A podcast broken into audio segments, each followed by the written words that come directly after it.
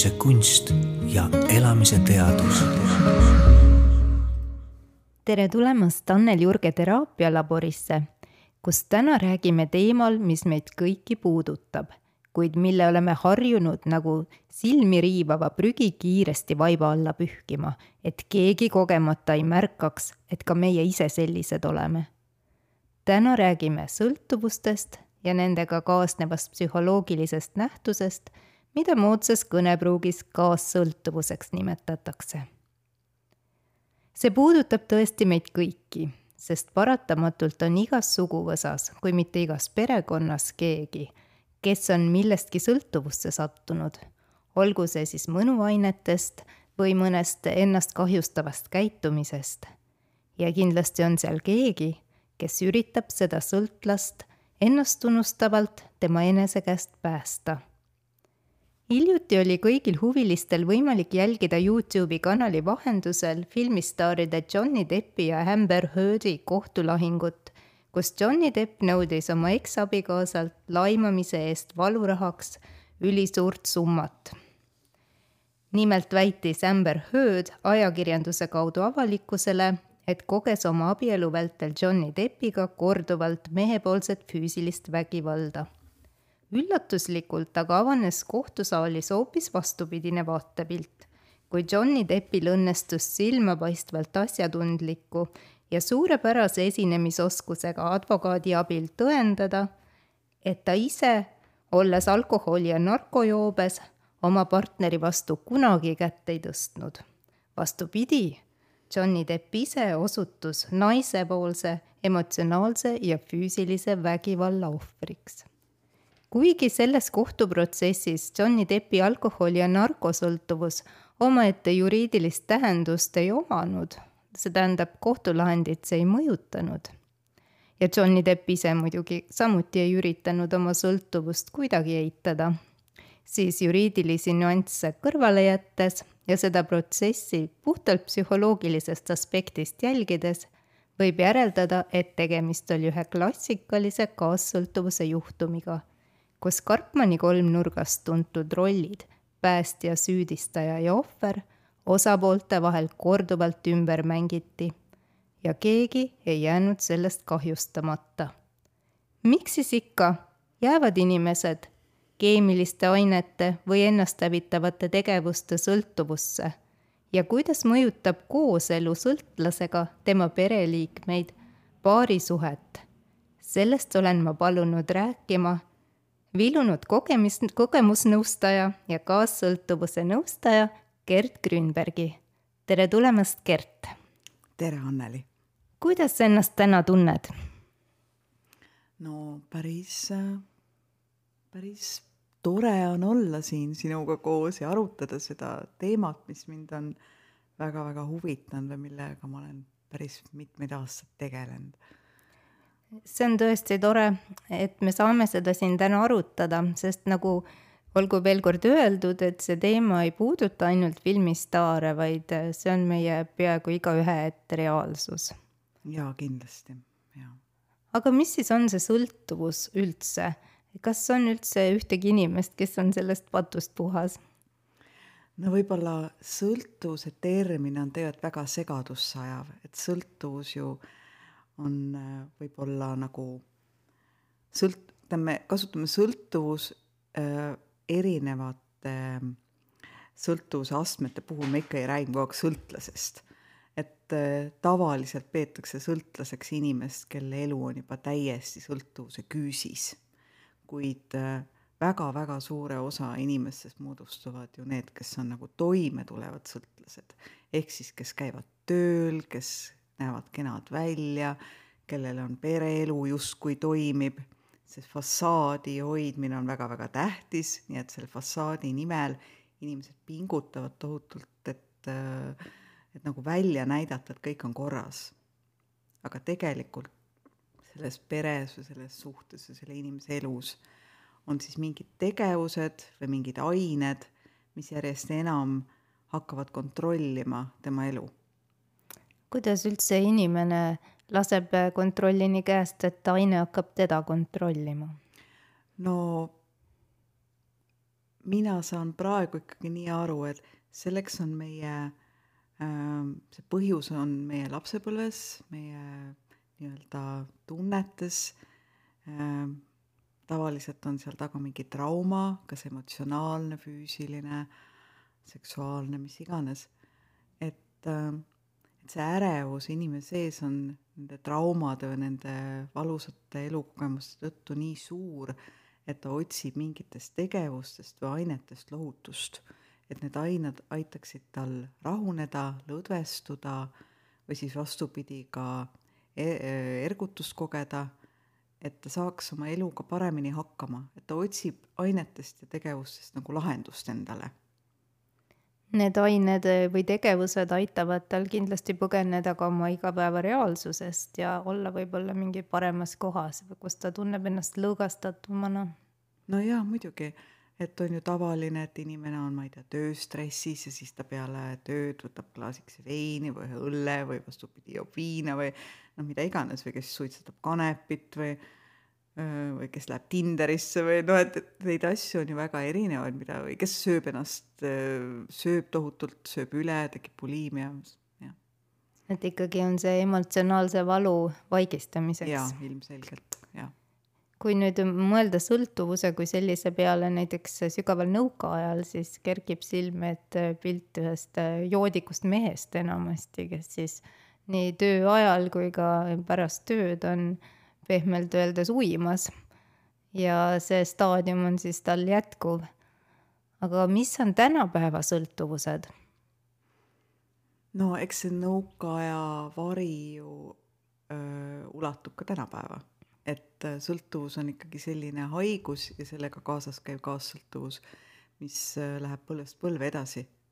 nii et noh, meie ju oleme praegu tolleaegs, kui sõltuvus oli tol ajal nagu normaalne, alkoholi tarvitamine suurtes kogustes oli väga-väga normaalne. lausa soovitav. jaa, käis täiesti vältimatult selle nõukogude elu juurde, siis meie, kes me oleme nende inimeste lapsed ja lapselapsed, oleme sellest igal juhul tänaseni mõjutatud. sest need lapsed, kes kasvavad sõltlasega koos, peavad kohanema ja need kohanemismustrid on, on tekitavad olukorra, kus inimene peab loobuma nagu iseenda tunnetest, vajadustest, mõtetest, noh, ta kohaneb nagu selle sõltlase järgi. ja sõltlased on ju ka väga tihti või noh, kelle, kelle elu kontrollib sõltuvus juba väga tugevalt, et nad võivad olla väga tihti ka tujukad, ettearvamatud, vägivaldsed. nii et kõik, kes nendega koos elavad kõik selle kohanemise tõttu nagu äh, noh, nende elukvaliteet käib alla. aga kuidas need inimesed siis pärast oma eludega toime tulevad? no ega tegelikult äh, see ongi keeruline. seal ongi just needsamad sellised tunded, mida võib-olla inimene isegi ei oska nimetada, ta kogeb ainult ärevust ja depressiooni ja selle all võib olla viha, kurbus, süü, hirm, mis iganes tunded. Et siis nagu nende tunnete lahendamiseks siis noh, ütleme täiskasvanud inimesed kas siis ise muutuvad ka uuesti sõltlaseks, võib-olla nad ei hakka jooma, võib-olla nad hakkavad kõvasti tööd tegema, võib-olla nad hakkavad hoopiski, otsivad suhteid järjest, liiguvad ühest suhtest teise, muutuvad seksisõltlaseks, võib-olla nad hakkavad sööma ja tekib toitumishäire või on nad šokolaadisõltlased, söövad tohutult suhkrut tahavad, et neid, neid põgenemise viise oma tunnetest on ju väga-väga erinevaid, et tegelikult võib-olla sõltuvuse puhul üleüldse noh, see Eesti statistika, eks ju, et kaheksakümmend kolm protsenti tarvitavad ja üks kolmandik on siis need liigtarvitajad. tarvitavad siis äh, nagu alkoholi, alkoholi., et see on nüüd see alkoinfo.ee, seal on tegelikult päris hea äh, nagu see on päris hea veebisait neile, kelle, kelle peres on alkosõltuvus, sest seal ka õpetatakse, kuidas sellest vabaneda ja mida pereliikmed saaks teha ja kuidas üldse ära tunda, kas mul on sõltuvus. et võib-olla asi, mis on tegelikult oluline, on see, et sõltuvusega kaasneb alati ka äh, ambivalentsus, et inimene ei saa aru, kas ma siis olen sõltuvuses, ma ei ole sõltuvuses. et äh, sest ta ju algab tavaliselt proovimisest, siis on seltskonnas proovitakse, siis see on lihtsalt mingisugune selline harjumus, tore komme meil ja see kuidagi tasapisi muutub vajaduseks. Et see on nii märkamatu ja mida enam, mida suurem on see vajadus, seda enam see tegevus või aine siis kontrollib inimese elu. et võib-olla need tunnused on tegelikult tähtsad. et kui inimene kogu aeg mõtleb kas joomise peale või söömise peale või seksimise või töö peale või kui tal on sundmõtted, siis see on üks tunnus. siis ka see, et ta ei saa aru, et ta jälle hakkas tarvitama, kas siis jooma või hakkas jälle raha kulutama või hakkas jälle öö, tööd tegema. Ja ta nagu, et see nagu sundtegevus ja see ei lõpe ära. Ta, ta lõpetab siis, kui ta on täiesti kas siis kõik raha ära kulutanud, konto tühjaks teinud või siis on alkohol otsa saanud või siis on ta täiesti näost roheline töötamisest, et ta nagu ei suuda lõpetada, ta ei saa aru, millal ta alustab, ta ei saa aru, millal ta lõpetab. ja see kogused suurenevad, tolerants suureneb, et ütleme alkoholi puhul, eks ole, et see kogus kogu aeg suureneb ja ka see tolerants, et ta talub nagu seda kogust ja ta talub neid, seda kõiki neid tagajärgi, tema arust tagajärjed ei ole nii hirmsad, no näiteks raha kulutamine on ka sõltuvus. et kui inimene ei pane tähele, et ta jälle hakkab kulutama ja ta talub selle ära, et ta pärast, ma ei tea, ta elab pidevalt laenudega näiteks, tal ei ole tegelikult raha, tal on kogu aeg rahapuudus. Et need negatiivsed tagajärjed kasvavad ja see muutub nagu elu normaalseks osaks, et seal on kogu aeg negatiivsed tagajärjed, kogu aeg on pohmakas siis mingis tegevuses nii-öelda, eks ju. ja, ja ka mäluaugud, et inimene ei mäleta, mis ta tegi, noh, see kaasneb, eks ole, alkoholi ja narkootikumidega, et inimene ei mäleta, et ta, äh, ma mäletan, üks kliendi lugu oli, kus, kus siis kliendi partner öö, äh, purjus peaga öö, nagu sät-, seadis end kogu aeg eluohtlikesse olukordadesse, et öö läbi siis inimesed üritasid tema elu päästa, sest et ta kõndis kuskil kõrgustes või ma ei tea, hüppas kuskil tundmatus kohas vette või noh, temaga juhtusid mingid hirmsad asjad, aga ta ise ei mäletanud sellest mitte midagi pärast. ja samal ajal nagu tema siis partner ja tema sõbrad olid otsa siis nagu üleval, et püüdes teda ära päästa et nagu mäluaugud on ikka väga ohtlik asi. või siis, et ta nagu on vägivaldne oma lähedaste suhtes või ta, ma ei tea, karjub või sõimab või varastab või ära andab auto ja ta ei mäleta pärast mitte midagi. et see on ikkagi probleem. ja muidugi kogu seda asja võib üleval eitamine, et noh, nagu enda tegevuse ratsionaliseerimine ja, ja selle olukorra tõsiduse eitamine hoiab üleval nii kaassõltuvust kui sõltuvust et me ei vaata seda, mis toimub, me ei vaata seda, mida me teeme nagu ausalt, selge pilguga, me otsime sinna mingeid põhjuseid, no alates eelmistest eludest, karmast, ma ei tea, kõikvõimalike põhjusteni aga nagu mitte tunnistada, et mis ma siis tegelikult, mille eest ma ei taha vastutust võtta. ja ometi meil kõigil on valik. et kas me jätkame seda elustiili või me teeme ühel hetkel otsuse, et elu peab muutuma et enam see pole jätkusuutlik. jaa, jah. aga mida on selleks vaja, et üks sõltlane hakkaks muutuma? nagu me saame mõnest näitest aru, siis äh, teise inimese ennast tunnustavaid püüdlusi seda sõltlast muuta, sellest nagu pole eriti palju kasu. kindlasti kohe, me ei saa mitte kedagi teist ära päästa. no sõltlane, ta peaks ikkagi aru saama, et ta on sõltuvuses ta peaks seda reaalsusele otsa vaatama, aga no selle teeb keeruliseks tegelikult see, et tavaliselt inimestel on mitu tegevust, mis aitavad neil ennast hästi tunda, ehk siis nagu mitu sõltuvust. et äh, ütleme, alkoholi käib kaasas sageli seks, töö, söömine ja kui nad vahetavad kohti, ehk siis nagu üks, üks tegevus asen-, asendub teisega, siis ta ei saa aru, et kas ma siis olen sõltuvuses või ei ole. ja tal on nagu väga raske võtta vastutust selle reaalsuse eest, jah, ma olen sõltlane, äh, ma pean sellest ähm, noh, tegevusest siis loobuma. sellepärast võib-olla nagu need, kes sõltuvust uurivad või, või terapeudid on siis nagu teinud mingisuguse järjestuse, et mis järjekorras see tervenemine peaks toimuma või nii-öelda ja esimene on kindlasti nagu ainesõltuvus, kas siis alkohol või narkootikumid, et sellest tuleb loobuda, sest et tänu noh, nendele ainetele tekib muutunud teaduse seisund ja inimene juba selle tõttu kulutab rohkem raha või, või, või öö, otsib mingisuguseid sekspartnereid, mida ta võib-olla ka aine peaga ei teeks, eks ju. või siis noh, ma ei tea, mis iganes, eks, et tähendab, või sööb tohutuid koguseid, purjus peaga söövad inimesed rohkem. nii et, nii et jaa, et see ainesõltuvusest vabanemine, selle tunnistamine, et jah, ma ei suuda seda kontrollida üleüldse, et see tegelikult, see aine kontrollib minu elu kui lihtne see Eestis üldse on? kas on küllaldaselt niisuguseid ähm, gruppe, mis koos käivad, kus inimene, kellel on siis see sõltuvuse probleem, saaks oma probleemile lahendust või selliseid terapeute, kelle juurde pöörduda? no mulle tundub, et see on piirkonniti väga-väga erinev, et Tallinnas tegelikult on juba päris mitu toimivat ja head keskust ja gruppi, aga minu meelest mida noh, näiteks Tartus on oluliselt vähem, väikestes kohtades pole üldse, Viljandis ma tean, et on hea keskus, et see tegelikult ikkagi on väga ebaühtlane kahjuks. sina ise oled ühe sellise grupi looja, see pole küll mõeldud nii-öelda alkoholisõltlastele, aga see on mõeldud kaassõltlastele. jah. Räägi palun, kuidas sina selleni jõudsid see on vist esimene Eestis selline grupp üldse? ei ole, ei ole tegelikult neid gruppe ikkagi on õnneks, et äh, minu teada vähemalt kaks kohta on veel, kus äh, noh, sellised grupid toimuvad, aga need on Tallinnas. et äh, kuidas ma jõudsin hmm.? ma nägin, et, äh, et tegelikult individuaaltöö üksi, et sellest ei piisa.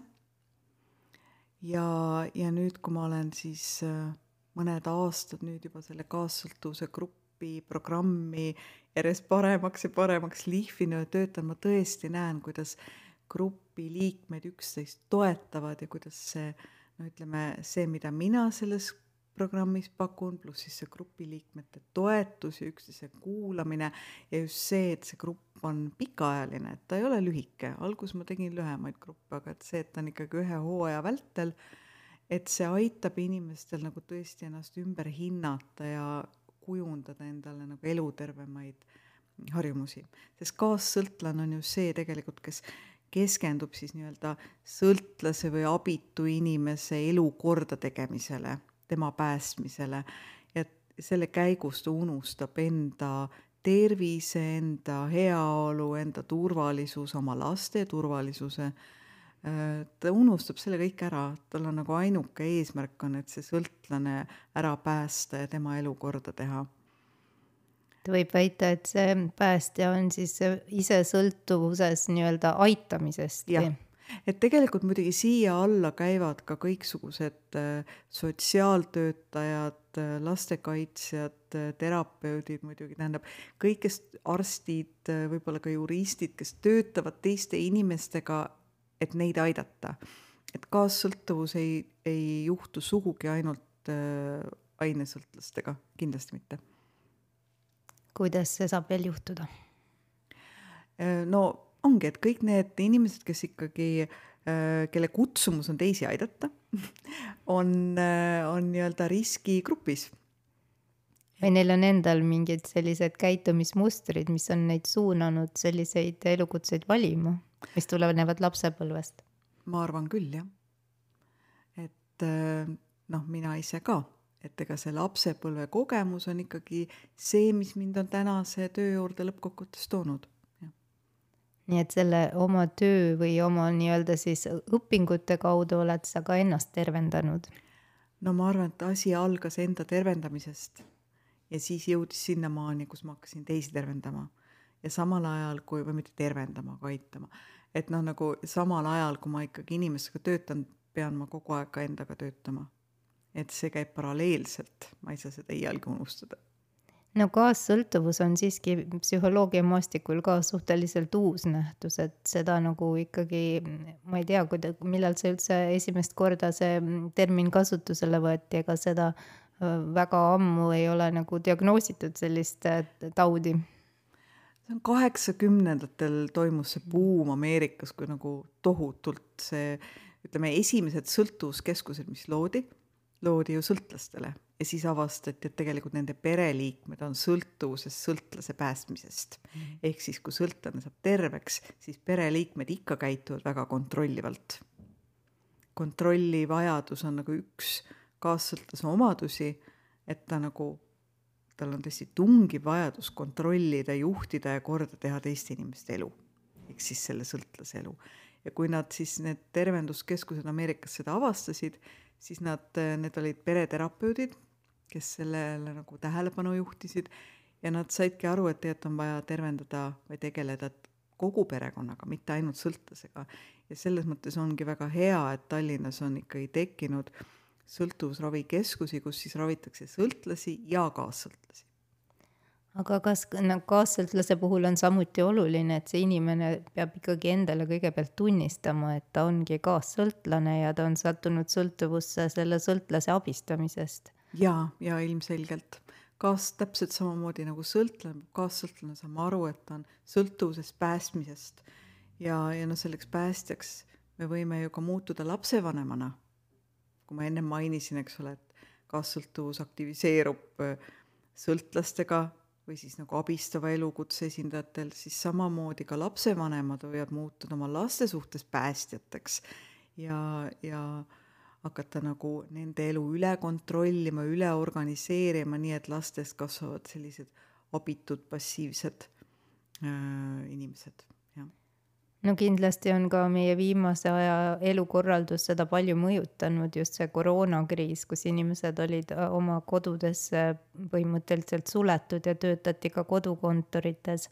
ja siis kõik tegevused tuligi teha kodus, et ei olnud enam väljundit, et minna kuhugi. No kindlasti see, need viimased kaks aastat on, on mõjutanud väga tugevalt Äh, sõlt- või noh, suurendanud sõltuvusprobleemi ja sellega seoses ka kaassõltlasi. et öeldakse ju nii, et iga sõltlase ümber on umbes mingi kuus-seitse kaassõltlast. ehk siis äh, enamasti kõik perekonnaliikmed, kes äh, on ühisel nõul võtnud eesmärgiks seda sõltlast ümber muuta. jaa, nii tema partner, lapsed, vanemad, õed-vennad, kolleegid. Noh, mida tugevam sõltuvus on, seda rohkem tunnevad ümbritsevad inimesed vajadust seda olukorda muuta, parandada, korda teha. Ja nad ei saa aru, et tegelikult sõltlase jaoks on vaja, tema tervenemise jaoks peab ta kogema nagu tagajärgi, ükskõik kui hullud need on, ja kõik teised peavad käed ära tõmbama nii-öelda lõpetama siis, päästmise. ehk siis vastutuse küsimus, et see sõltlane peab võtma vastutuse. jah aga kui kerge see või raske on see praktikas? mitu juhtumit sa oled näinud, kui sõltlane ongi tervenenud ja mis saab nendest kaassõltlastest, need kaotavad justkui oma motivatsiooni? no ilmselgelt. no ma arvan, et nii sõltuvuses kui kaassõltuvuses tervenemine on protsess ja see kestab tegelikult läbi mitme aasta, kui seda teha regulaarselt. et tõesti tegeleda siis oma sõltuvusest tervenemisega, mitte asendada see mingi teise sõltuvusega. ja tagasilangused käivad ka selle juurde, tagasilanguse ravi on täiesti, see on nagu, see on nagu osa tervenemisprotsessist, teadvustada ja edasi liikuda enda tervenemise teel. Aga ütleme, ühisjoon nii kaassõltuvus kui sõltuvus tervenemisel on ikkagi teadvustamine ja enda teadlik muutmine, positiivsete harjumuste loomine ja oma minevikuga rahu tegemine ja selleks on, oleks ikka vaja käia individuaalteraapias lisaks siis grupiteraapiale, jah. no minu kogemusel äh, näitab, et, et paljud inimesed lihtsalt ei tahagi tagasi minna vaatama oma lapsepõlve, et nad äh, lihtsalt blokeerivad selle ära, et kõik, mis seal juhtus, see oli ideaalne. et miks sinna tagasi minna, kuigi sinuga vestlusest on ilmselge, et, et need äh, sõltuvuse või kaassõltuvuse juured ongi seal lapsepõlves jaa, ikka ikka. kuidas sa motiveerid neid inimesi, et tuleb vaadata tagasi, et rahu teha selle lapsepõlvega ja näha seoseid olevikuga? No ega ma ei saa sundida, kui ikkagi inimene on veendunud, et tema lapsepõlv oli õnnelik, siis, siis nii on. ja tihti on ju need lapsed, ka siis täiskasvanud nüüd, kes olid siis lapsed, väga lojaalsed ikkagi oma vanematele, ükskõik milline see vanem siis oli, oli ta joodik või vägivallatseja, siiski laps ju väga tahtis teda armastada, kui ta laps oli no jaa, see lojaalsus on väga suur takistaja täiskasvanul tervenemisele. Et ma mäletan ühte inimest, kes tuli, kelle mees oli alkohoolik ja, ja kes tuli, naine siis tuli teraapiasse ja ta loobus teraapiast, sest ta ütles, et minu lapsepõlv oli õnnelik ja ma ei taha äh,, ma ei taha kogeda, et ma eksin või noh, et, et, et, et ma pigem elan siis oma sõltlasest mehega edasi kui, kui, kui vaatan minevikku ja saan teada, et midagi oli valesti minu lapsepõlves. No jaa, et kui kõik on ju see piiride küsimus ka või inimese äh, enda siis ähm, teadvustamise küsimus, et mida ta tahab lubada ja mida mitte enda teadvusse. no just nimelt, et kui ikkagi, kui, kui me ei saa kutsuda enam sõpru koju, sest et appi mu partner joob või me ei saa enam äh, kuskile külla minna, sest mu partner joob liiga palju. Ja kui ma siis olen nõus niiviisi edasi elama, selle asemel, et äh, vaadata reaalsusele otsa, minna teraapiasse, minna enesearengu gruppi kusagile, et enda probleemiga ikka ei tegeleda, et õppida see vastutus ära andma sõltlasele. kuidas seda vastutust ära anda? no võiks öelda ühtpidi, et väga lihtsalt lihtsalt annad, eks, aga see ja. ei ole nii lihtne, kuna tekib ju hirm, et appi ta saab surma. ta ei saa hakkama. ta ei saa hakkama, appi, ta, ma ei tea, jääb töötuks, ta jääb tänavale. Äh, jah, need on reaalsed hirmud ja tegelikult siin ei olegi ju, äh, me ei saa ju lubada, et oo jaa, ta saab hakkama, see sõltlane võib küll olla, et ta joobki ennast surnuks, nii juhtub. Nii võib ka juhtuda selle kaassõltlase valvsa pilgu all. no tegelikult ka kaassõltuvus, nagu igasugune sõltuvus on ohtlik, ma kindlasti ei ole nõus nende inimestega, kes ütlevad, et selleks, et sõltuvusest vabaneda, tuleb see asendada mõne tervisliku sõltuvusega.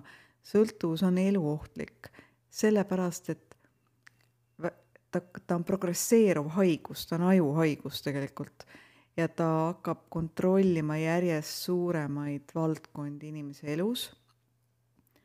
ja lõpuks ta kontrollib inimese elu nii palju, et inimene, no et võtame nutisõltuvuseks, et inimene, see on eluohtlik, sest inimene oma nutisõltuvuses hakkab seda telefoni näppima, kui ta on roolis.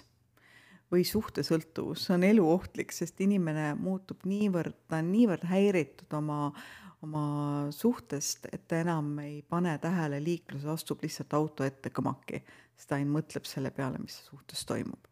et noh, nagu, et, et see, seal on nagu kaudsed tagajärjed, eks, et me ei saa öelda jaa, see juhtus sellepärast, aga tõepoolest äh, seda on uuritud ja nagu sõltuvuse tagajärjed nendes nimekirjades on ka avariid, on ka õnnetused, on haigused on depressioon, on paanikahäired, kõik need tegelikult kaasnevad sellega, kui inimene nagu ähm, on siis oma sõltuvusega noh, läinud liiale, et see kontrollib tema elu. kui sa vaatad äh, tänapäeva noort põlvkonda, siis üsna nagu valusalt torkab silma, et enamasti ongi inimesed oma nutiseadmetes, et sellist silmast silma avatud suhtlust on aina vähemaks jäänud milline on prognoos selle põlvkonna osas sinu silmade läbi? no seda on keeruline öelda, hiljuti ma just kuulasin seda Jaan Aru saadet äh, Vahur Kersnaga. see ongi keeruline, ega me ei tea. aga midagi head sealt ei paista. et äh, jah. enamasti vanemad on ju, kui kuulata lapsevanemate vestluseid, üsna palju mures selle pärast ja kõik on üritanud oma äh, tingimusi kehtestada ja kodus seda nutiaega vähendada ja see algab juba väga varajasest lapsepõlvest mõne lapse jaoks. aga paraku ikkagi lapsed saavad suuremaks ja, ja neil on rohkem isiklikku vabadust ja lapsevanem jääb nagu hüüdja hääleks kõrbes. no sellest saatest jäi ikkagi kõlama see hääl, et mida varem lapsele anda see nutiseade kätte, seda äh, sügava, noh, seda rohkem hakkab laps sellest sõltuma, mida, ja ma ütleksin, tooksin siia juurde, ka see nutiseade on lihtsalt üks sõltuvuse tekitaja, aga näiteks ka mida varem hakata last rahustama, ma ei tea, kommidega ja suhkruga, seda sügavam sõltuvus tekib samamoodi tegelikult. Ja need sõltuvused võivad paralleelselt tekkida siis, et ja, ja, ja need lapsevanemad ise, need muutuvad samamoodi sellisteks ähm, päästjateks, süüdistajateks ja lõpuks ohvriks selle lapse kõrval siis, kes äh, nende nõuandeid ja nõudmisi kuulda ei võta. no jaa, et iga sõltlase kõrval siis aktiviseerub selles kaassõltlases nii-öelda see Karpmani kolmnurk või kaassõltuvuse triangel, kuidas seda nimetada, aga, aga see esimene roll, milles kaassõltlane ennast leiab, on ikkagi päästja. et ta üritab nagu päästa seda teist inimest, tema elu teha korda. Ja ta teeb seda siis erineval viisil, kes, ma ei tea, paneb arstinumbreid kinni, kes õiendab ja, ja, ja noh, nagu üritab pikki epistleid pidada, et kui sa nii teed, et siis juhtub see, see, see, see, see, et noh, nagu äh, ta ei äh,, ta nagu tahab olla oluline selle, selle hädas olija jaoks. Päästjat ikkagi väga motiveerib see, et ta tahab olla hea, ta tahab olla oluline, tahab olla väärtuslik ja sellepärast ta pingutab palju-palju-palju, et nagu siis seda hädasolijat või sõltlast aidata. et võib-olla me räägime täna palju sõltuvusest, aga tegelikult siinsamas on ka noh, inimesed, kes kuidagi on saamatud või hädas, samamoodi, et kui keegi hakkab või, või no lihtsalt parasjagu on elu keeruline jah, et kui, kui aktiviseerub see selline hoiak või tunne, et vau, et ma nüüd pean ikkagi tema jaoks tingimata midagi tegema ja selle käigus ma unustan ära äh, kõik enda eluga seotud kohustused ja harjumused või hobid või sõbrad või lapsed või no mis iganes, eks. siis on tegemist päästmisega. See on probleem sest päästjast alati tegelikult ühel hetkel saab ohver. ja tavaliselt juhtub veel see, et ennem siis ennem sinna ohvrisse kukkumist tekib tal tüli sellega, keda ta päästab, sest et ega inimesele, täiskasvanud inimesele ju ei meeldi et teda pannakse, surutakse sellesse lapse või abitu või rumala rolli, eks ta hakkab tundma ennast jah, just nimelt rumalana, kui keegi teda üritab päästa, talle Saamatuna. selgeks teha ja just, et sina nüüd teed valesti ja sa pead tegema nii, nii, nii, et siis su elu läheb õigesti. ja siis nad lähevad tülli ja no ja siis saab sellest päästjast ohver, eks. et, et see noh, need rollid vahetuvad, aga siis noh, ühel hetkel, kui ta on seal äh, tülli läinud ja siis sinna ohvrisse kukkunud, noh, oleneb, kaua ta seal siis on. Ja tunneb, et talle on tehtud liiga ja tema ju tahtis ainult head ja tahtis ainult aidata ja noh, siis ta leiab kellegi teise, keda päästa nii et igal juhul ta otsustab ähm, uuesti sinna nii-öelda Karpmani kolmnurka siseneda, et oh, et see on nagu vajadus ka samamoodi, teadvustamata vajadus. just ja mingil hetkel kaob ära see päästja roll, nagu me siin varem rääkisime, et on ainult siis pingpong süüdistaja ja ohvri vahel, mida võis ka siis selles Johnny Deppi kohtuprotsessis näha, kuidas kõikide vaatajate silme all ohvrist sai äkki siis agressor ja see, kes oli enne siis nii-öelda vägivaldne, muutus äkki ohvriks. jaa, seda ma olen enda töös päris palju näinud, et kui ikkagi nagu mida noh, et ühel hetkel enam ei toimu päästmist, vaid ma nüüd tahan sind aidata ja kõike nii edasi, ühel hetkel on ikkagi kaks nagu sellist äh, inimest, kes siis vastastikku süüdistavad ja vastastikku on ohvrid. mis aga peab juhtuma selleks, et, et need süüdistused läheksid ikkagi nii rämedaks, et ähm, juba tekiks inimeste vahel vägivald? no ma arvan, et vägivalla seeme on juba ammu inimese sees, kui ta selleks muutub. et äh, kas see on siis tema lapsepõlves olnud näiteks, need inimesed, kes on ikka vägivallaga üles kasvanud, nende sees on juba nagu see teadmine, et ka nii saab olukordi lahendada. ja oleneb, millise rolli ta on lapsena endale võtnud. et võib-olla on oluline ka noh, enda terve, kui me hakkame tervenema, siis aru saada, et millises rollis ma üldse üles kasvasin.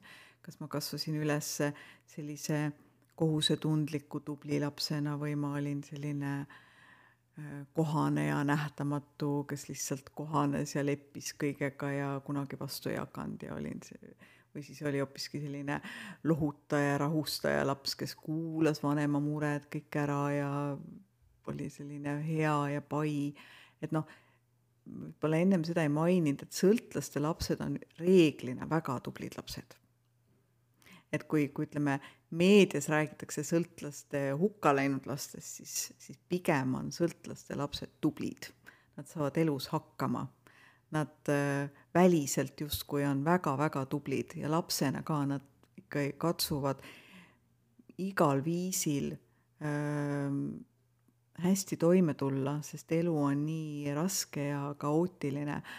ja kui seal siis on see vägivaldne vanem samamoodi, eks ju, et noh, kui ta on väga vägivaldne, siis lapsed õpivadki olema nagu tapeet, nähtamatud, sest selle vägivallatseja ees ei saa ju, ei saa ju näidata välja oma pahameelt.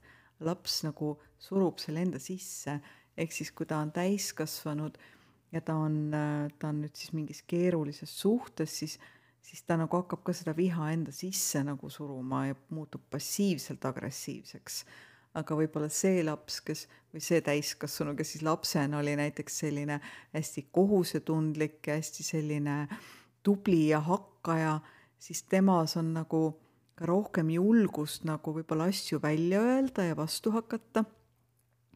ja ta täiskasvanuna, kui siis tal on nagu siis mingi raske case kellegagi, kelle, keda ta on üritanud ennem päästa, siis ühel hetkel võib ka temast äh, kasvada selline agressiivne inimene, et ta on seda lapsena näinud ja ta ei karda seda, oma viha, ta ütleb selle välja ja, ja täiesti aktiivselt olla vägivaldne. aga kuidas äh, sinu hinnangul selline dünaamika toimub, et, ähm, et tavaliselt just need ähm, inimesed, kes on siis lapsena olnud kas siis tublid lapsed, leiavad endale ka täiskasvanuna sellise partneri, kes jällegi toob esile nende selle vajaduse päästa, olla tubli laps, võtta vastutuse, nad satuvad keerulistesse suhetesse. jaa, et miks on tegelikult sõltuvusprobleem, ongi see, et sõltlaste lapsed, olgugi et nad võivad olla tublid, aga neil on, neil on kohe täiesti tõmme see nii-öelda see kuklas, see vana aju viib neid inimeste juurde, kes käituvad nendega või siis partnerite, partnerite juurde, kes käituvad nendega halvasti, hoolimatult, on vägivaldsed, on sõltlased või on lihtsalt saamatud, et nad nagu loovad, taasloovad selle olukorra, mis oli lapsena. ja, ja mõnikord, kui nad nagu idealiseerivad oma vanemaid, on väga lojaalsed, nad nagu isegi ei, see täiesti nõuab eraldi nagu tööd, nad saaksid aru, et kuidas ta siis tundis ennast lapsena nii halvasti et ta taas loob selle olukorra äh, täiskasvanuna valides enda partneriks inimese, kes on sõltlane. ja see võib juhtuda mitte ainult üks kord, vaid isegi mitu. jaa, tavaliselt see juhtubki mitu, sest ennem kui me ei ole nagu tunnistanud oma lapsepõlve haavu, oma seda valu ja oma kalduvust päästa ja üle vastutada, eh, noh, kui me seda ei ole tunnistanud, me kogu aeg kordame seda mustrit. siis, kui me ühel päeval seda tunnistame siis on ka õige päev vist äh, abi küsida. jaa, sest et tegelikult me ei saa üksi hakkama, et selleks on ikkagi vaja äh, ütleme siis nagu s-, terapeuti, kellel oleks teadmisi nii sõltuvuste mõjust, kaassõltuvuse mõjust, trauma mõjust, noh nagu et, et ta oskaks siis aidata kuigi ka praegu on Eestis olemas juba küllaldaselt kirjandust sellel teemal, on olemas äh, Piia Melodi raamat äh, Kaassõltuvusest vabaks ja sinu ees laual on ka üks üsna uus raamat, Claudia Blacki oma, et see ei juhtu kunagi minuga. et kui inimene siis äh, loeb neid raamatuid, kas see on eneseabiks küllaldane? no ma arvan, et see on vajalik, lugeda raamatut ja saada aru, et ahaa, see on see minu probleem aga järgmine samm on ikkagi minna teraapiasse, minna gruppi. et, et ainult raamatuid lugedes me kaassõltuvusest kindlasti ei vabane, sest see on nii äh,, need, need see harjumus päästa, harjumus kontrollida teisi, harjumus teiste eest asju ära teha ja võtta liigselt vastutust, see on nagu seitsme peaga lohe, et noh, et nagu ühes suhtes me võime selle teadvustada, lõpetada ja siis ta hüppab välja mingis järgmises suhtes. et, et sellepärast seda üksinda ei saa teha mis siis juhtub, kui üks selline inimene sinu juurde satub, et mis probleemidega inimesed pöörduvad sinu poole? no ikka nende samadega. ei, ma mõistan ja, aga nagu mis need kaebused on, et kui nad ei oska veel ise võib-olla seda nii-öelda diagnoosida, mis nendega toimub, et mida nad siis kaebavad sinu toolis? No kas seda, et on partner, kes on hoolimatu või partner, kes tarvitab alkoholi või partner, kes on vägivaldne, et tavaliselt nad ikkagi näevad, et teises inimeses on probleem ja näevad ennast kannatajana. nii et äh, mina siis nagu suunan vaatama, et okei okay,, aga me noh, kuidas sa ise toetad seda olukorda ja mis lapsepõlves siis juhtus, et kus sa õppisid nagu selle mustri üldse, et sa niiviisi toetad. et äh, võib-olla see kaassõltuvusest tervenemise see on, see on protsess, et me kõigepealt vaatame siis seda reaalsust, mis siis tegelikult toimub ja mis toimus minevikus. et see minevikuga töö on oluline just selleks, et me leiaksime seose olevikuga, et miks ma praegu niiviisi käitun. ja ka võib-olla nagu nende tunnetega töö, et mis, mis tunded ma olen lapsepõlves kaasa võtnud, kuidas need mind täna mõjutavad. Tunnetega rahu tegemine no üsna tihti need inimesed ei olegi võib-olla endale teadvustanud, mis tundeid nad üldse tunnevad oh. et tundeskaala on kas hea või halb. jah, just. et tunnete äh, äratundmine on täiesti nagu töö omaette, et eks ma annan neile teatud harjutusi, et nad õpiksid üldse tundeid märkama ja tundeid ära tundma. ja üks hästi oluline teema on tegelikult, et sõltlase perekonnas või vägivaldses perekonnas tekivad äh, inimestel sellised eksiarvamused, sellised vildakad mõtted või mida ma kutsun viirusmõteteks. Need on sellised sundmõtted, mis on negatiivsed, noh, mustvalged mõtted või siuksed, et kui ma ei tea, kui, kui ma ei ole hea, siis ma olen halb, jah, kui ma ei ole abivalmis, ma olen hoolimatu või, või siis äh, selline üldistamine, et inimesed räägivad ainult terminites kõik alati, mitte kunagi, iga kord, eks. Et nad nagu ei, ei oska näha mm, nagu teist poolt. või siis ka see, et, et inimesed süüdistavad teisi oma tunnetest, et sina oled süüdi, et mina tunnen nii, sina panid mind nii tundma. et nagu, et inimene peaks ikkagi tervenemise teel õppima vastutama enda tunnetest, et saama aru, et minu mõtted ja minu hoiakud on, ka tekitavad neid tundeid, ma toidan oma mõtete ja uskumustega oma tundeid. Nii et nende nende hoiakute ja viirusmõtete äratundmine ja nende peatamine ja muutmine on ka üks osa tervenemisest. Kas sa arutad ka oma klientidega nende hirmude üle, mis nendel inimestel on, et mis, mis on need baashirmud, tavaliselt inimesed üritavad olla ju väga head ja kaastundlikud ja abivalmis selleks, et kuhugi kuuluda, et olla omaks võetud mm, -hmm. et, et see vastand oleks siis, et mind heidetakse kogukonnast välja, hüljatakse meie ellu, et seal taga võib olla ka ju täitsa surmahirm. jaa, no üks väga tavaline hirm on jääda üksi. Just. et kui võib-olla paljud meist on ju tundnud ennast lapsena väga sageli üksi kas siis sellepärast, et meid jäeti üksi koju või siis sellepärast, et äh, vanematel olid tülid ja nad enam ei pannud tähele last või siis sellepärast, et, et äh, vanemad olid, tegid nii palju tööd, et nad lihtsalt ei märganud last või olid niivõrd keskendunud siis nagu kaassõltlased, sõltlase nii-öelda kordategemisele, et ta ei pane lapsi tähele, et kaassõltlased väga sageli ignoreerivad oma lapsi. no igal juhul ja siis sellest ju laste sisse kasvab see üksinduse tunne ja hirm olla kõrvale jäetud, hirm olla hüljatud. et see on väga suur motivaator no ja lapsena veel eriti, sest et kui laps ikkagi hüljatakse, tal ei ole neid vahendeid ega ressursse ega teadmisi, et endale seda igapäevast leibagi lauale saada, et ta ikkagi sõltub ju täielikult oma vanemast, olgu see vanem milline tahes. just nimelt, et sealt see lojaalsus ja. kasvabki, just. et perekond on ju ainus, mida ta teab ja mida ta tunneb, nii et ükskõik, milline see perekond on, laps enamasti on lojaalne ja enamasti nagu peab iseennast süüdlaseks, et peres on üldse asjad nii halvad.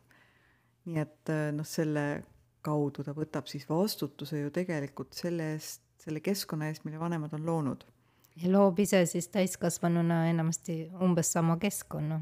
no jaa, valib nagu endale partnerid või siis mingid töökaaslased või nagu valib endale koha, kus ta alateadlikult, kus ta kogeb jälle samu tundeid ja paljud inimesed, kes on olnud äh, suhtesõltlased, ütlevad, et nad pigem kardavadki seda, kui nad, äh, partner neid maha jätab, nad jäävad üksinda ja siis justkui, kui nad jäävad üksinda, siis nad ei ole midagi väärt. et nad justkui identifitseerivad ennast läbi selle suhte ja, ja see on suhtesõltuvuse üks tunnuseid ja et kui kaassõltlane võib olla sõltuv oma lastest, vanematest, töökaaslastest, partnerist, siis suhtesõltlane on sõltu-, sõltuvuses suhtes olemisest, tal peab olema suhe, ükskõik milline see suhe on, on see vägivaldne, on ta sõltlane, on ta, on tal ka väga palju teisi kõrvalsuhteid, on ta noh, ükskõik milline, see ei loe, peaasi, et ma saaksin olla suhtes, sest kui ma ei ole suhtes, siis ma olen mõttetu kuidas on eh, nende lugu nende inimeste enesehinnanguga, kes on kaassõltlased? no eks see enesehinnang, see vä-, väärtusetuse tunne on ju seal kõige all Just. tegelikult. et kui me lapsena kogeme, et meid ei märgata, meile ei pöörata just seda emotsionaalset tähelepanu siis ju me hakkame tundma ennast, et me ei ole olulised, me ei ole väärtuslikud, eks ole, ikka kõige, kõikide nende probleemide all, millest me täna räägime.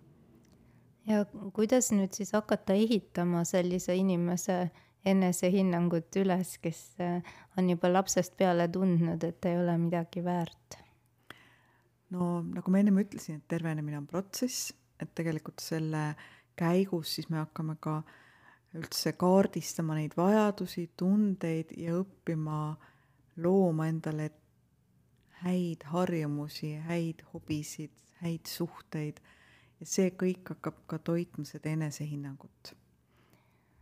Räägime ka nende inimeste võimalikust tervenemisest. aga me ei räägi ju praegu abstraktsetest inimestest, me ju võime vabalt välja öelda, et nii sina kui mina, me mõlemad oleme kogenud sedasama kaassõltuvust oma elus. jaa, muidugi et me ei räägi siin abstraktselt, et keegi teine kuskil mujal peaks sinu gruppi minema või samuti võiks siin olla see mina või võiks olla see mõni inimene, keda ma tunnen, minu lähedased.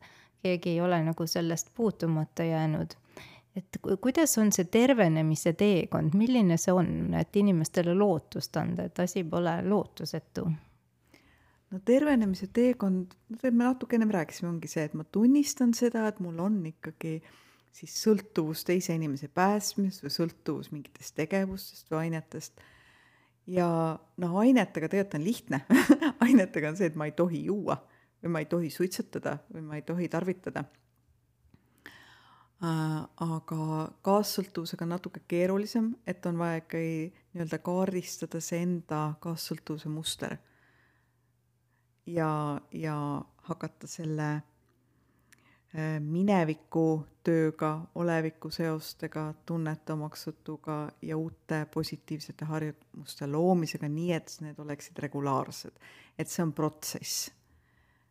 nii et see on selline läbi mitme aasta protsess, aga see on teekond enda väärtustamise ja armastamise suunas, et tegelikult enesetunne hakkab kogu aeg paranema. see on ikkagi väga ilus tee selle sees on hetki, kus võib olla ebamugav ja valus, aga tegelikult see on üks väga ilus tee. see on armastuse tee. armastus enda vastu kasvab, kui sellel teel kõndida. ilmselgelt.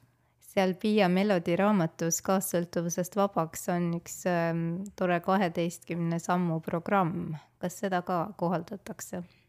jaa, mina kasutan oma grupis kaheteistkümne sammu programmi, mulle see väga meeldib ja just sellepärast, et äh, et see õpetab võtma vastutust enda eest. et äh, nii sõltlased kui kaassõltlased ikkagi panevad selle vastutuse enda eest kellelegi teisele.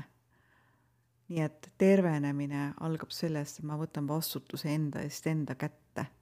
et ma hakkan ennast hoidma ja endaga hea olema.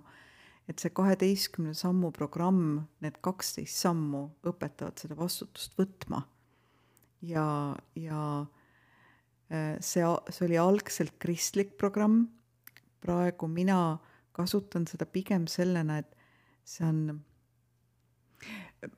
ma ütleks siia juurde veel, et ähm, väga paljud autorid ütlevad, et me ei saa enda tahtejõule üksinda äh, loota. et võib-olla kangelaslapsed või need tublid lapsed on ju harjunud, et ma võtan ennast kätte, siis ma saan hakkama ja ma suudan jälle oma elu kontrollida.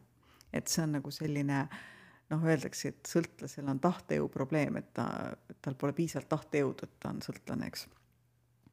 ja kaassõltlased väga tihti arvavad, et ma võtan ennast kätte, et siis ma saan hakkama no mina olen kogenud, kui, kui see kaassõltuvuse laine on mind tabanud, et äh, siis see võib olla ikkagi väga-väga tugev, et sinna juurde on vaja vaimseid praktikaid.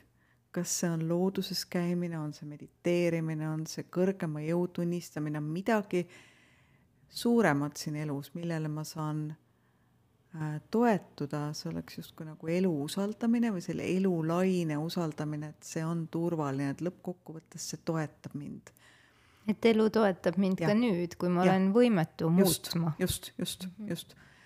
et, äh, et see on oluline, et ainult enda tahtejõule me ei saa loota, kui me, kui me äh, terveneme sõltuvusest, et sellepärast ongi vaja grupitoetust, selleks on vaja äh, Äh, toetavaid isikuid enda ümber, luua endale selline hea turvavõrgustik või sõpruskond, kes toetab sinu tervenemist ja peegeldab sulle võib-olla siis kaassõltlase tagasi, et ups jälle oled kukkunud sinna päästmisesse, et nagu kaineks saada, et kaassõltuvusest võib olla samamoodi purjus nagu alkoholist.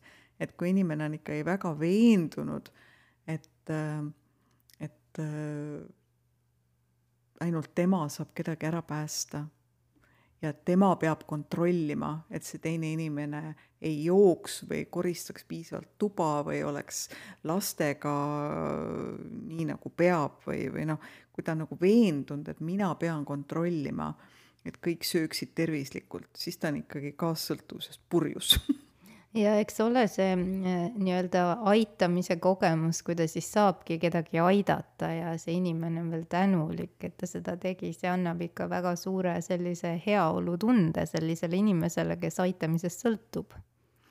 jaa, ma olen tegelikult äh, kohanud ka inimesi, kes tõesti usuvad, et, äh, et, et see kontrollimine, tänu sellele üldse asjad toimivadki. ja see ikkagi, tal ikkagi äh, ta on võimeline kontrollima, et tema mees ei jooks. et, et siin nagu on vaja noh, nagu seda tõesti vaadata, et kas, kas ta ikka on võimeline tegelikult. no jaa, vanasti oli ju uskumus, ma ei tea, kui palju seda nüüd on, et, et ikkagi üks naine äh, saabki seda kõike kontrolli all hoida ja et ta on, kui ta on piisavalt hea naine, siis jätab mees ka joomise maha. ja, ja, ja sellepärast ka väga paljud naised siis tunnevad ennast süüdi, et näed, ma ei ole piisavalt hea, et sellepärast ta joob. aga sõltuvus on ikkagi alati selle inimese probleem, vastutus, otsus ja valik, kes tarvitab.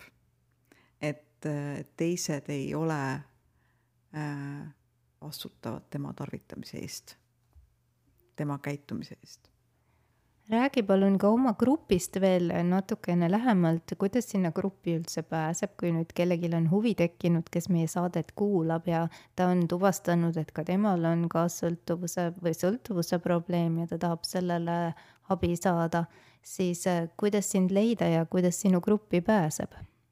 ja mida see grupp üldse teeb? no see grupp on, see on üks väga tore grupp, ma võin öelda tõesti, ma, ma olen hästi rõõmus, ma, need tulemused või need, see, kuidas inimesed on kasvanud, see on, see on, see on ilus ja tore, tore vaadata.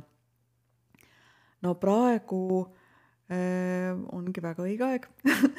Et, et ma äh, koostan uut gruppi, ma kohtun inimestega, see on nagu, teen intervjuud. Ja grupp alustab mm, augusti lõpus, kakskümmend neli august et äh, kuni juuli, kümnenda juulini on sinna soodushind ja, ja selleks lihtsalt tuleb mulle kirjutada ja leiame intervjuu aja ja täita teatud küsimustikke ja noh, nii edasi, nagu ikka. kuidas sulle kirjutada?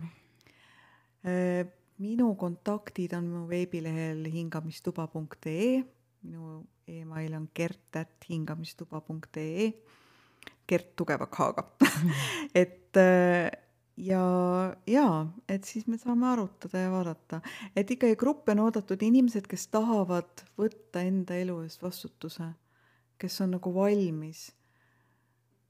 jah, mis vanusega, vanuses sinu grupi liikmed on?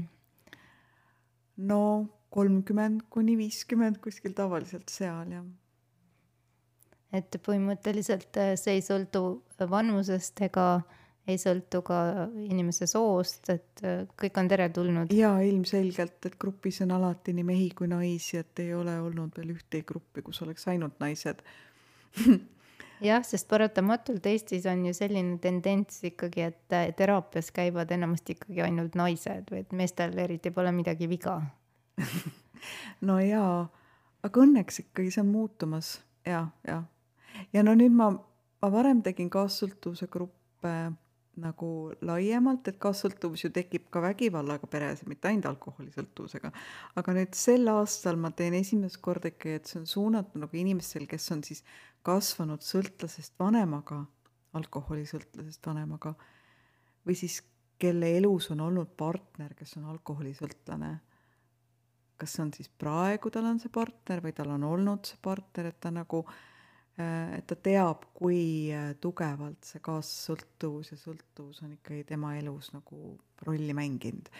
et mulle tundub, et see aitab inimestel ka nagu tunda ennast turvalisemalt grupis, kui, kui tema ümber on inimesed, kellel on sarnane kogemus. et äh,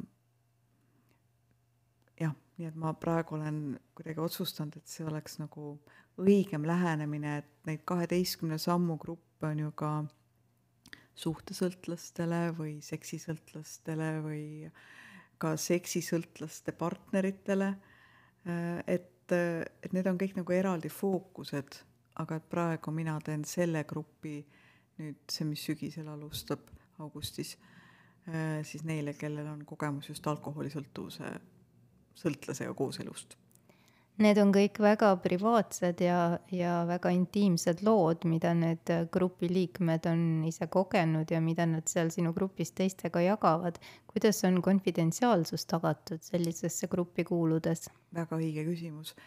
Äh, me räägime sellest ja ma palun neil allkirjastada lepingu täiesti juriidilise lepingu ID-kaardiga allkirjastatult, et see, et me ei räägi äratuntavalt nendest inimestest, kes meie grupis on, ei räägi nendest üldse, me ei too mitte mingisuguseid näiteid ja asju, et nad oleksid äratuntavad.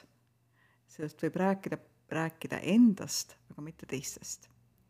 kuidas su praktika on, kas ähm, sellest lepingust on ka kinni peetud? siiani on kinni peetud, jah siiani on kinni peetud, ei ole ühtegi korda olnud, et ma olen seda teinud ikka, neli aastat vist neid gruppe või viis praegu järjest. et, et sellest on kinni peetud. et inimesi võib usaldada? jah. sest noh, see leping ise, ma nüüd jurist räägib, et see ikkagi, kui ei ole seal mingeid sanktsioone ja võime, võimekust seda äh, siis eh, korrale kutsuda lepingurikkujat kas või rahaliselt, siis, eh, siis tihti inimesed võivad öelda, et oh, ma kirjutan alla küll, aga mis siis juhtub, kui, kui ma seda lepingut ma arvan, ei täida? no ma arvan, et seda ei saa selles grupis olla, siis tuleb vaadata, aga siin selles grupis on ka veel need reeglid, me tegelikult selles grupis ei ole teretulnud üksteise kommenteerimine nagu hinnangute andmine ja õpetamine sest see ongi see kaassõltuvuseks, et selles grupis ei ole teretulnud, ütleme nii, nüüd sa pead tegema seda, seda, seda. et sõna peab või sina pead ja. tuleb ära unustada ja,. jah, jah. või mingisugune irooniliste naljade tegemine. et äh, selline passiiv-agressiivne käitumine ei ole teretulnud mis sa nüüd ütleksid meie vestluse lõpuks inimestele, kes meid on täna kuulanud ja võib-olla siis avastanud, et jaa, ka nende elus ei olegi kõik nii roosiline, nagu nad on endale ette kujutanud ja võib-olla nemadki vajavad toetust, et siis oma äh, käitumismustrid üle vaadata ja oma elujärge parandada, suuremat heaolu luua? no endaga tegelemine ja ütleme, nõustaja juurde minemine esimesena oleks ikkagi väga mõistlik. et sõbrannaga rääkimisest tegelikult ei piisa, sellepärast et sõbranna on sõbranna ja ta ei saa võib-olla mõningaid asju otse öelda või kui ütleb, siis tekib tüli, eks. sõbrannal ei pruugi ka olla piisavalt teadmisi. või kui on, siis see segab rollid ära, et kui me sõbrannatena hakkame üksteisele teraapiat tegema, ütleme, et kaks inimest on terapeudid, siis ju lähevad rollid sassi et üks roll on sõbranna roll ja teine on terapeudi roll. nii et see terapeudi roll võiks ikkagi anda inimesele, kes, kellel on selleks nii-öelda, kes ei ole su lähedane, kes ei ole su sõbranna ja pereliige. et äh, ja jah, lihtsalt alustada seda endaga teed, sest nagu ma ennem ütlesin, see on armastuse tee, see on tore tee, on endaga sõbraks saada. sest mis selle teraapia eesmärk siis muu on kui õppida endaga olema sõber, õppida ennast aitama, õppida ennast aktsepteerima ja oma hirmude ja kõikide tunnetega nagu rahu tegema. sest äh, tunded on natuke nagu õhupall, kui me üritame neid alla suruda, siis ta vupsab vee peale tagasi. et neid ei saa suruda alla.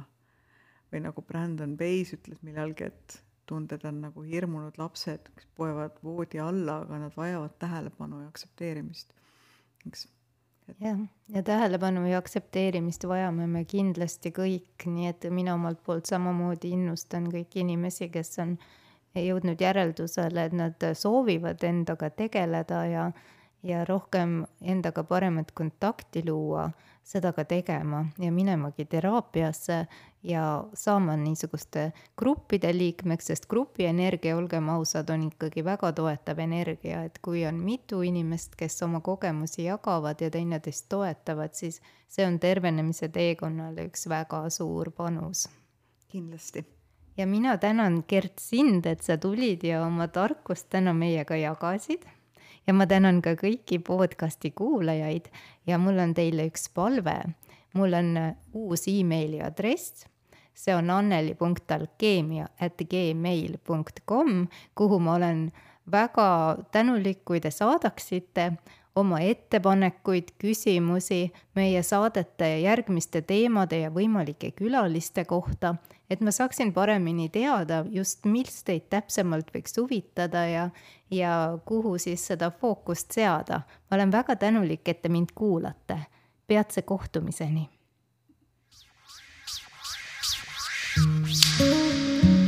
alkeemia, muutumise kunst ja elamise teadus.